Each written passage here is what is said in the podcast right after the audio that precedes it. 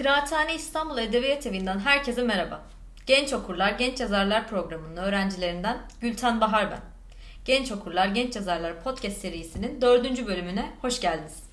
Bu dönem aşk içinde temasıyla nefret söylemine maruz kalan, ötekili, ötekileştirilen ve doğduğu topraklara yabancılaştırılan bireylere adanmış, onları anlatan eserleri inceliyor, özellikle yazılarımızda edebiyatın özgürleştirici yanını göstermeyi amaçlıyoruz. Bu bağlamda Kadir Has Üniversitesi Doktor Öğretim Üyesi sevgili Özlem Aslan'ı podcast serimizin dördüncü bölümünde ağırlamaktan mutluluk duyuyoruz. 6 Şubat günü gerçekleşen ve 11 ilimizi etkileyen depremden dolayı hepimiz çok zor günler yaşamaktayız. Hepimiz bu acıyı derinden hissediyoruz. Binlerce can kaybı yaşadık ve üzerinden neredeyse 40 gün geçti. Herkes için oldukça zor geçen bu günlerin kadınlar, çocuklar, queer bireyler adına daha da zor geçen yanlarını konuşmak üzere bugün buradayız. Sorularımız var ve bu sorulara sevgili Özlem Aslan ile birlikte yanıt aramaya çalışacağız. Tekrardan merhaba hocam. Merhaba. Dilerseniz hemen ilk sorumla başlayayım. Özellikle afetlerde kadın ölüm sayısının genel anlamda afet öncesi bilgilendirme sistemine erişimsizlikten meydana geldiğinden bahsetmişsiniz. Türkiye'nin kadın popülasyonunu sosyokültürel değişiklikleri de göz önünde tuttuğumuzda afetlerde kadın ölüm sayısının azalması için nasıl adımlar atılması gerekiyor? Ee, ilk önce şundan bahsetmek istiyorum. Neden biz kadınlardan bahsediyoruz, erkeklerden bahsediyoruz? Ee, kimi şey diyebilir, ne alakası var cinsiyetin bu meseleyle?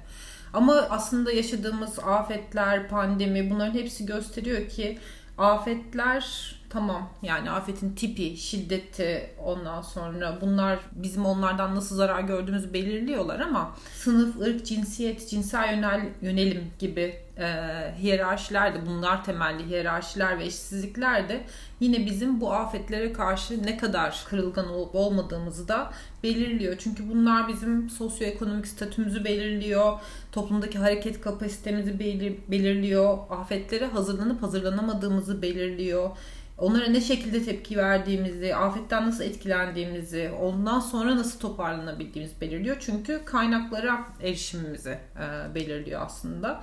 O yazıda e, işte herkes herkes için çok ilginç bir örnek vardı. Sen e, şey e, depremde kadınların nasıl çocuk odalarından ve mutfaklardan e, bulunduğunu e, bulunduğundan bahsettin. E, ben de yazıda 2004'te Endonezya'daki tsunami'de e, olanları anlatmıştım hayatını kaybedenlerin çoğu senin de dediğin gibi kadındı ve bunun e, nedeni tamamen cinsiyetçi politikalar e, ve cinsiyet toplumsal ilişkiler.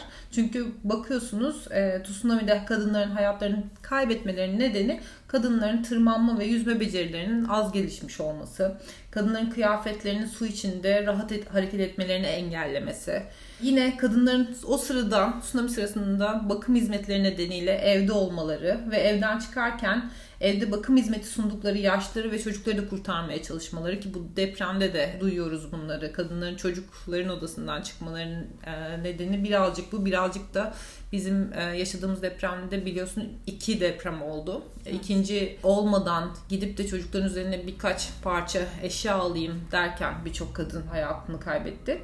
Dolayısıyla e, yani aslında kadınların kamusal alanda var olamamaları, onların teknolojik iletişim araçlarına erişimlerinin olmaması, erken uyarı sistemlerine erişimlerinin olmaması, bunların hepsi güvenli barınakların nerede olduğunu bilmemeleri, kadınların bu tür e, afetlerde yaşayıp yaşamayacağını maalesef belirliyor. Ve yani bu şey demek değil tabii. Hani sadece kadınlar ölüyor değil. Ee, şey o yazıda şeyden de bahsediyordum ben. Avrupa ve ABD'deki sellerde mesela erkeklerin ölümleri çok daha fazla. Bunun nedeni de riskli kurtarma görevlerinde e, çalışmaları ve kurtarma sırasında erkeklerin e, ölmeleri. Şimdi birazcık deprem bölgesine bakalım. Yani e, bu bakım meselesinden bahsettin. Onu anlamak için birazcık oradaki nüfusun özelliklerini de anlamak gerekiyor. 13 milyonluk bir nüfustan bahsediyoruz ve bunların e, baktığında yarısı erkek yarısı kadın. Ve başka enteresan bir bilgi daha var. Nüfusun %25'i 18 yaşından küçük. 18 yaşından küçük ne demek? Bakıma muhtaç demek. %10'u ise 65 yaşından büyük. Yine hani 65 yaş üstü tabii ki e, çok dinamik insanlar var ama onların da bakım e, ihtiyaçlarının daha fazla olmasını getirebiliyor bu yaş ortalaması bize. Dolayısıyla bütün bunları düşündüğümüzde yine kadınlara baktığında depremden etkilenen kadınların 3 milyon 910 bin 497'si üreme çağında ve 214 bin 325'i hamile bu kadınların ve bu kadınların yani hamileler arasında 23 bin 814'ünün bu dönemlerde doğurmuş olması e, bekleniyor. Bu rakamları göz önünde bulundurduğunda kadınların özel ihtiyaçlarının e, düşünülmemesi e, gibi bir durum olamaz. Çünkü o kadınlar hem oradaki çocukların ve yaşların ve işte deprem nedeniyle birçok vücudu zarar görmüş, e, yeni engeller kazanmış insanın bakımına yetişmek durumunda kalırlarken bir yandan da kendi problemlerini çözmek zorunda kalıyorlar. Kendileri engelli hale gelmiş olabilir. Kendilerinin e, ne yazık ki bu toplumda konuşmakta zorlandıkları e, üreme sağlığıyla ilgili pek çok sorunları var. PED meselesi e, sık sık gündeme geliyor. Tüm bunların göz önünde bulundurulması lazım. Mesela alandan şey diyorlar e, pek çok kadının stresten kaynaklanan uzun kanamalar yaşadığı e, ve kadınların hijyenik bede iç çamaşırına ve temiz tuvaletlere erişimlerinin olmaması nedeniyle vajinal enfeksiyonlara ve idrar yolu enfeksiyonuna e, maruz kaldığı yeni doğum yapmış annelerin stres nedeniyle sütlerinin kesildiği gibi hani çok şey e, farklı şeyler var. Burada bakım hizmetinden de bahsedersek e, normalde işte e, akan suyla bulaşık yıkayıp yemek yapmak bile hani çok zaman alıp çok yorucu iken bakım dediğin şey çünkü çok titizlik isteyen ve böyle çok uzun süreli uzun süreler isteyen bir iş. Bunun e, bütün bu altyapı koşullarının olmadığı bir süreçte yapılması çok çok daha zor. Yani temiz suyun, enerjinin, ondan sonra güvenli sıcak bir barınağın olmadığı bir durumda e, etrafındaki insanlara ve kendine bakmak çok daha zor bir durum. Dolayısıyla hem bakım hizmetinin çok daha fazla konuşulması bakım emeği yapan insanların işlerinin nasıl kolaylaştırılacağının ve buna dair politikaların neler olabileceğinin konuşulması gerekiyor. O yüzden de cinsiyet meselesini ısrarla e, gündeme getirmemiz gerekiyor. Evet. İkinci sorumuzda da afet durumunda partnerinden şiddet gören bir kadının can sağlığı nasıl korunabilir? Afet durumunda e, partnerinden şiddet gören bir kadının can sağlığı şöyle düşünebiliriz. Yani bir afet sırası var. Değil mi? Hani orada zaten arama kurtarma e, öncelikli bir durum. Arama kurtarma sırasında yapılabilecek en önemli şey bölgenin güvenliğini sağlamak aslında. Yani dışarıda arama kurtarma çalışmalarını bekleyen insanların e, canına, malına, vücut bütünlüğüne bir zarar gelmemesi için gerekli güvenlik önlemlerinin alınması. Ondan sonra arama kurtarma çalışmaları bitip e, bu geçici barınaklara geçildiğinde ise yeni sorunlar gündeme geliyor. Değil mi? Ortamın aydınlatılması, işte tuvalet, banyo gibi ihtiyaçların güvenle karşılanabileceği, e, mümkünse e, insanların kendi barınağının içinde bulunaklarının olması değilse kadınlara ve çocuklara e, bu anlamda güvenli bir ortam sağlama. Ondan sonra bunlar tabii dışarıdan gelen gelebilecek tehditlerden bahsediyoruz. Fakat e, ondan sonra bu barınaklar etrafında kadınların eğer partnerlerinden ya da aile içindeki herhangi birinden şiddet görüyorlarsa çocuklar için de geçerli bu. Başvurabilecekleri bir adres olduğunu bilmeli. Yani öyle bir adres olması lazım ve bu adresin kadınlar ve çocuklar tarafından biliniyor olması lazım ve bu konuda hani e, korku yaşamadan gidip başvurabiliyor olması lazım. Ne yazık ki biz böyle bir şey olduğunu duymuyoruz. Ee, çok şükür ki birçok kadın örgütü bölgeye gidiyor ve kadınlarla konuşuyor ve onlarla iletişim kuruyor. Hani onlar mesela şey çok önemli burada aracı aracılar. Yani e, kadınların kendilerini güvenle açabilecekleri insanlar. Onun dışında bölgede daha çok yani bu hizmetleri veren e, kesimler arasında daha çok kadının yer alması e, insanları daha çok rahatlatacaktır. Bir de bir şey daha ekleyeceğim. Şeyi de çok duyduk mesela. Tam boşanma aşamasındalar ya da işte hani şiddet görüyor e, şey barı ama çadırı birlikte alabiliyorlar sadece işte aynı yerde kalmak zorunda kalıyorlar. Mutlaka yalnız kalmak isteyenler isteyen kadınlar için de özel bir yerin ayrılması hani normal de nasıl oluyorsa öyle düşünülmesi gerekiyor ve bunun sonrasında da tabii her şeyin sonrası iyileşme süreçleri ve hani hayatın biraz daha normale döndüğü süreçlerde ise zaten olması gereken e, sosyal devlet anlayışı gereği kadın sığınaklarının arttırılması, bu yöndeki caydırıcı kanunların arttırılması, İstanbul Sözleşmesi'nin yeniden e, yürürlüğe girmesi, 6284'ün tartışma konusu olmaması gibi e, şeyler e, gerekiyor. Evet. Siz de değindiniz zaten hocam. Bir sonraki sorumuzda afet sonrasında bölgeye gelen ekiplerde kadın sayısının öneminden bahsedebilir misiniz? Yani genel olarak şimdi afet yönetiminden bahsedebiliriz burada. Yani afet riskinin azaltılması ile ilgili dünya çapında resmi kurumlara baktığımızda kadınların %84'ü sekreter pozisyonunda çalışıyormuş. Ben de bu rakamları duyduğumda inanamadım. Bu organizasyonlarda yönetim pozisyonlarının sadece %6'sı kadın ki bizim AFA'da bir bakalım bakmak lazım. AFA'da Kızılay'a zaten hani bir sürü mesele de onlar gündeme getirdi, geldiler bir sürü krizle birlikte ama cinsiyet perspektifinden de bir incelenmesi lazım. Ben bakmadım ama yakın zamanda bakmak lazım buraya. Ama genel olarak sivil toplumla e, böyle hani iç içe giden bir e, afet yönetiminin olmadığını görebiliyoruz herhalde. Yine yönetim pozisyonundaki kadınlar da daha çok insan kaynakları ya da kurumsal iletişim tarafında yer alıyorlarmış. Ve yani bunu bak buna baktığınızda kadınlar iyi örgütçüler, değil mi? Ondan sonra güçlü ağlara sahipler birbirleriyle, etraflarıyla ve bakım işini çok iyi biliyorlar ve yani bakım işini bilen bir insan ancak de, demin dediğimiz şeylere doğru yanıtları üretebilir. Çünkü onu göre, göremezsin yapmıyorsan, onu yaşamıyorsan göremezsin. Dolayısıyla e, hem afet hazırlık sürecinin yönetiminde hem afet sırasında hem afet sonrasında hem kadınların hem LGBTİ bireylerin hem farklı toplumun farklı sesleri duymayan kesimlerinin e, bu yönetim mekanizmalarında olması çok önemli. Çünkü ne kadar siz farklı e, kesimleri buraya getirirseniz farklı ihtiyaçların da olduğunu e, anlayabilir ve o ihtiyaçlara cevaplar üretebilirsiniz. Yoksa hani en merkezdeki insanın görebileceği şey o merkez kadar. Ama çepere gittikçe vizyonu genişleyecektir afet yönetiminin. Arama kurtarmada da yine cinsiyet rolleri gereği böyle hani kadınların çok şey yap- yapıldığı, yönlendirildiği bir yer değil ama e, şey deprem sırasında da gördük insanlar mesela hani yatakta yakalanıyor çoğu zaman gecenin bir köründe dışarı çıkarken hani çıplak çıkması e, gerekiyor kadının. Orada birkaç tane kadın görmesi onun için çok daha e, huzur verici bir durum. Dışarıdan gelen seslerde aralarında kadınların olduğunu bilmek daha az travma et, zaten travmatik bir durum yaşayan bir insanın daha az travma edici bir durum. Dolayısıyla alanda arama kurtarmayı da erkeklere bırakmamak, orada da daha çok kadının olmasını sağlamak çok önemli. E, bu anlamda da şimdi hani önümüzde de deprem bu ülkede bitmiş değil. İstanbul depremini konuşuyoruz hepimizin yani en azından bu işin eğitimini alması, mahalle afet gönüllülerinin eğitimlerine ya da kurumlarımızın verdiği eğitimler varsa onlara katılmamız ve hani yapabildiğimiz kadar e, bedenimizin bize izin verdiği kadar bu işin parçası olmamız gerçekten çok önemli. Evet.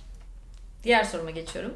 Afet bölgelerine gelen gönüllüler, arama kurtarma ekipleri ve tabii ki bölgenin kaotik yapısını göz önünde bulundurduğumuzda özellikle queer ve kadınların kendilerini güvende hissetmediği durumlar oluşuyor ki zaten bahsettiniz hocam güvenli alana ya da kendilerini yanlarında güvende hissettik, hissettikleri insanların yanına geçene kadar nasıl adımların izlenmesi gerekir?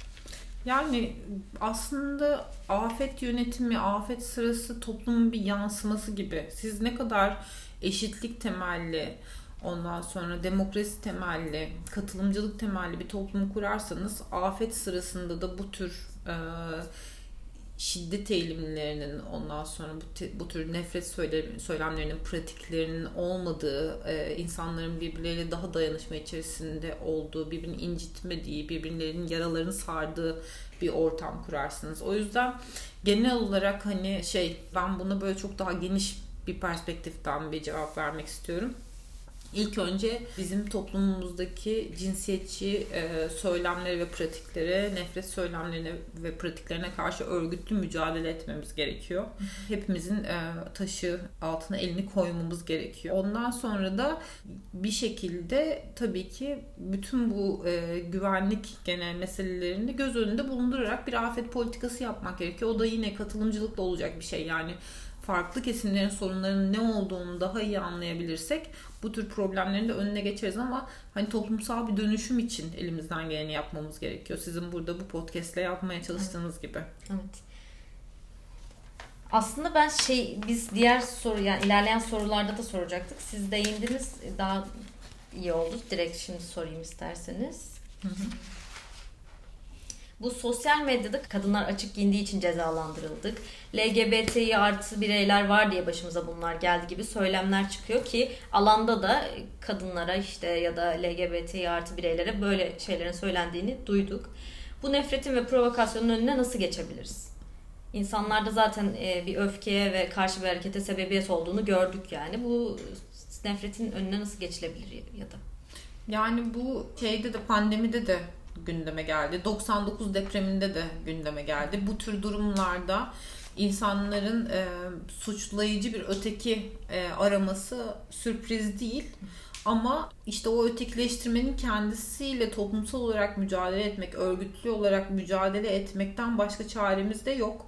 Çünkü bu topraklarda bu ötekileştirme var. Bazen siyasi kanallar aracılığıyla da pompalanıyor. Özellikle LGBT'ler ve kadınlar nezdinde son 4-5 yıldır olanlar e, yani Diyanet'in yaptığı açıklamalar ondan sonra İstanbul Sözleşmesi'nin feshedilmesi bu tür e, seslerin daha da yüksek çıkmasına e, neden oluyor. Bizim üzerimize düşen de kendi sesimizi daha fazla e, çıkarmaya çalışıp e, örgütlenmek, örgütlü mücadele etmek. Destek almak için yetkililere başvuran LGBTİ'lerin ayrımcı söylem ve davranışlarla karşılaşması ve gerekli ilaçlara bile ulaşamaması çok yıkıcı. Queerlerin bu ayrımcılığı yaşamadan yardım alabilmesi için bir kuruluş veya oluşum var mıdır? Bu süreçte bu zorluklarla ve ayrımla mücadele etmiş, hala güçlü kalmaya çalışan bireylere neler söylemek istersiniz? Bireylere bir şey söyleyemiyorum. Çok üzgünüm. Böyle bir şeyi kimsenin yaşamaması gerekir bu insanlık onuruna aykırı bir şey. Bu hakkaniyetle yakından uzaktan ilgili olmayan bir şey. Bu eşitliğe, adalete, her şeye aykırı bir şey. O yüzden de yani bireylere söylenecek bir şey yok da e, topluma ve e, siyasi e, kurumlara, devlet kurumlarına ondan sonra söylenecek çok şey var.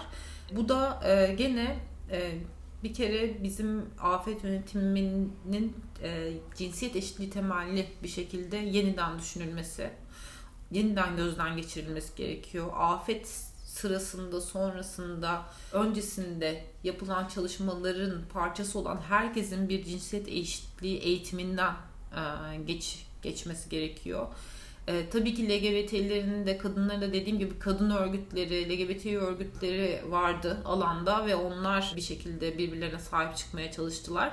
Fakat e, vergi veren herkesin bu ülkenin vatandaşı olan herkesin hatta vatandaş da olmaya gerek yok. Bu topraklardaysa bir insan ve yani insanlık onuru gereği herkesin e, yaşamak yaşama hakkı var ve dolayısıyla o yaşama hakkına saygı duyarak bizim e, her yani afet öncesi sonrası e, bugün otobüse bindiğimizde karşıdan karşıya geçerken e, yemek sırası beklerken her her yerde birbirimize saygı göstermemiz ve birbirimizin yaşama hakkına sahip çıkmamız gerekiyor zaten. Yine geliyoruz geliyoruz hani e, şey cinsiyet eşitliği temelli politikalar için e, mücadele etme konusuna. Ama dediğim gibi bu şey de düşünülmesi gerekiyor. Hem afet yönetiminde daha çok e, kadın ve LGBT bireyin olması e, daha çok değil olması şu andaki koşullarda hem de bu yönetim içerisinde ve hizmet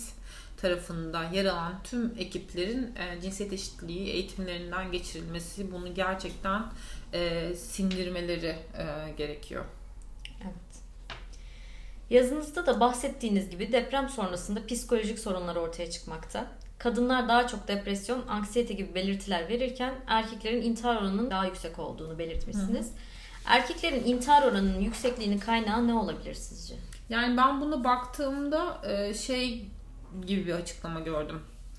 Erkeklerin cinsiyet kimliği nedeniyle yardım aramaktan çekinmeleri ya da hani ben iyiyim yani erkek dediğin yardım istemez e, psikolojik e, yardımı böyle hani bir aslında sağlık hizmeti olarak görmemek de direkt e, akıl sağlığı ile ilgili bir problem üzerinden e, anlamlandırmak ve onu da kendine yakıştıramamak ya da kendini güçsüz göstermek istememek duygularıyla kurduğu ilişki nedeniyle olabilir. Toplumsal olarak baktığınızda hani erkeklerin gidip kendi duygularını birine açması ve o duyguları analiz etmesi çok bu topraklarda e, yerleşmiş bir e, pratik ve kültür değil.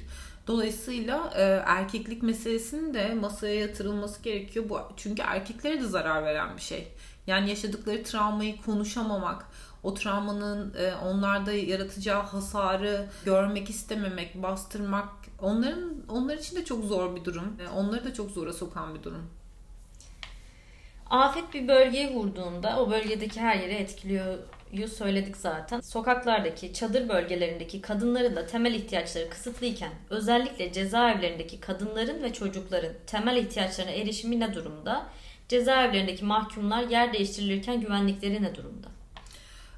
Ben cezaevleriyle ilgili bildiklerimi söyleyeyim size. Çünkü e, cezaevleriyle ilgili e, bir araştırmam yok açıkçası.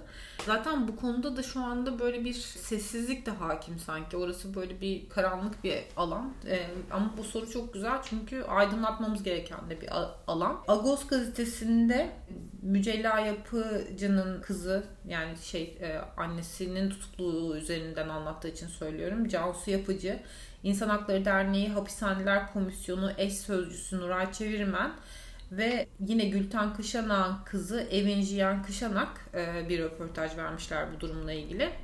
Burada şimdi meselelerden biri şu yani depremle ilgili ya da afetlerle ilgili hapishane politikasına dair e, şöyle bir problemler problem var ya da problemi e, söylüyorlar. Mahkumların yaşam hakları üzerinden değil de bir güvenlik sorunu olarak hapishaneler diye yaklaşıldığı için buraya dair bir politikasızlık söz konusu. Yani tek şey e, politika mahkumların kaçmaması üzerinden. Ama orada senin de dediğin gibi bu insanlar böyle bir durumda nasıl çık dışarı çıkacaklar, hayatlarını e, nasıl kurtaracaklar, nerelere yerleştirilecekler falan bütün bunların düşünülmesi gerekiyor ki hem Mücella Yapıcı üzerin Cansu Yapıcı üzerinden Mücella Yapıcı hem de diğer e, röportaj verenler şeyden bahsediyorlar. Bu e, manuel kilit sisteminin çok büyük bir problem olduğundan bahsediyorlar. Çünkü böyle bir afet sırasında o manuel kilitlerin teker teker açılıp da insanların dışarı çıkarılması çok e, olası bir durum değil. Bu da birçok insanın ölümü demek ki şu anda Türkiye'de 399 hapishane varmış ve ma- mahpus sayısı 2 Ocak itibariyle 341.497. Çok fazla can var hapishanelerde ve bu hapishanelere 20 hapishane daha eklenecekmiş. Dolayısıyla 419 olacakmış sayı. Yani e, mahpus sayısı da e, artacak. Bundan bahsediyorlar. E, onun dışında yine hapishanelerde kapasite üstü e, mahpus barındırma sorunu var. Çok fazla insan hapise atıldığı için e, kapasiteleri aşılmış durumda.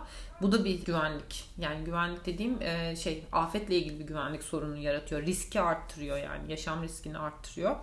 E, cezaevlerinin inşa edildiği alanlara bakmak lazım. Şehrin en güvenli yerlerine inşa edilmediğini düşünebiliriz herhalde.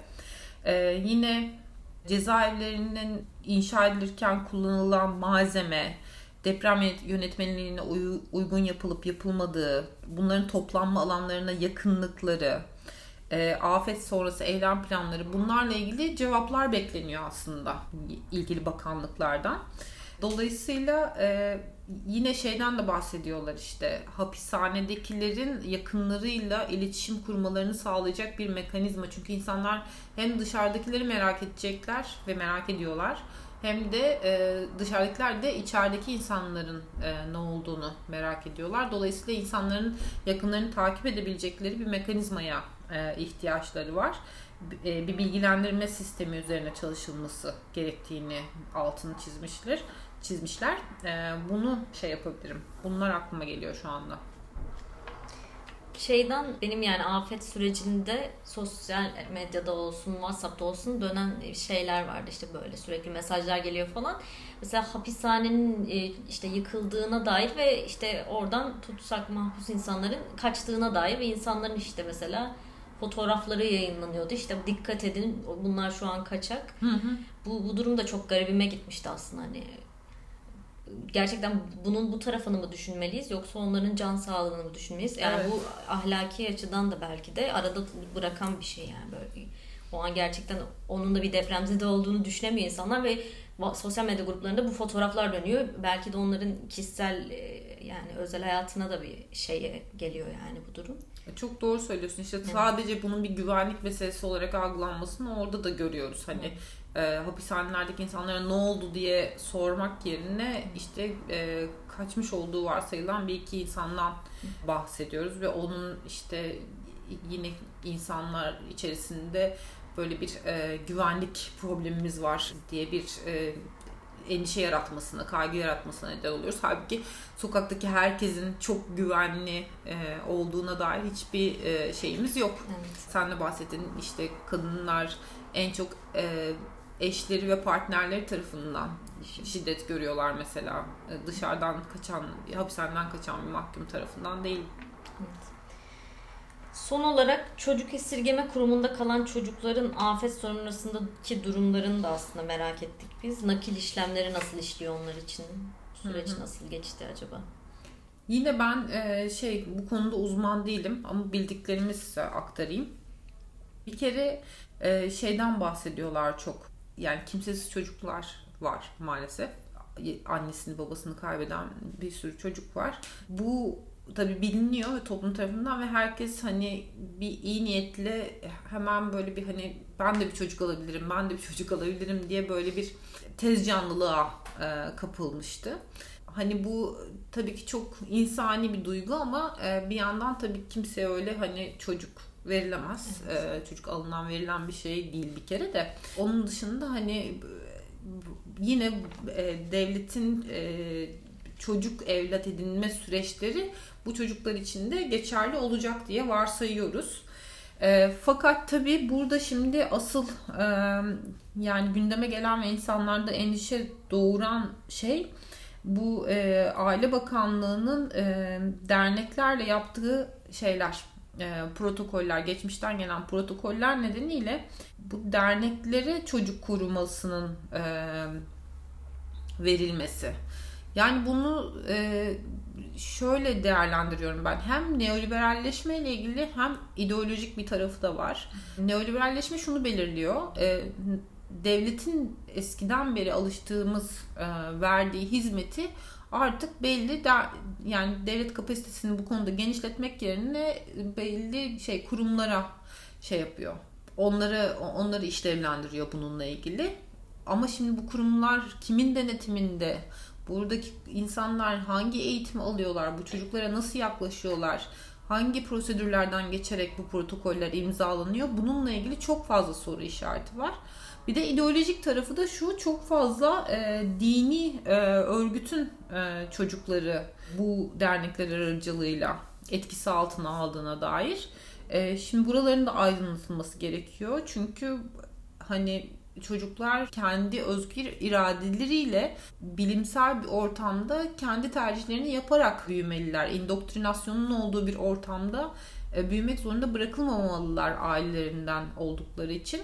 E, burada da yine bir standardın gelmesi ve aslında hani devletin e, bu protokolleri gözden geçirilmesi, bunu onların gözden geçirmesi için de tabii sivil toplumun bu konudaki baskısına devam etmesi e, gerekiyor. Bu küçülen devlet, sosyal devlet olmaktan vazgeçen e, neoliberal devlet e, bizim için çok büyük sorunlar yaratıyor. Çünkü toplumun birbirine sahip çıkması, dayanışması gereken, kamu yararının e, düşünülmesi gereken yerlerde daha kar odaklı düşünen işte e, masrafı azaltmaya e, yönelik kararlar alan belli kurumlarla karşılaşmak zorunda kalıyoruz. Bu da bizi böyle durumlarda çok şey savunmasız bırakıyor. Yani o yüzden yeniden bu sosyal devlet anlayışını konuşmamız gerekiyor. Ona yeniden sahip çıkmamız gerekiyor gibi bir durum var. Umarım. Teşekkür ederim hocam konuğumuz olduğunuz için. Kıraathane İstanbul Edebiyat Evi'nden Genç Okurlar, Genç Yazarlar podcast serisinin dördüncü bölümünü dinlediniz. Ben Gülten Bahar. Yayında ve yapımda katkılarından dolayı Kıraathane bünyesine ve Genç Kıraathane'nin diğer öğrencilerinden İrem, Açelya, Melike ve Zeynep Ceren'e çok teşekkür ederim. Genç Kıraathane olarak bir sonraki görüşmemize kadar kendinize iyi bakın, aşk içinde kalın.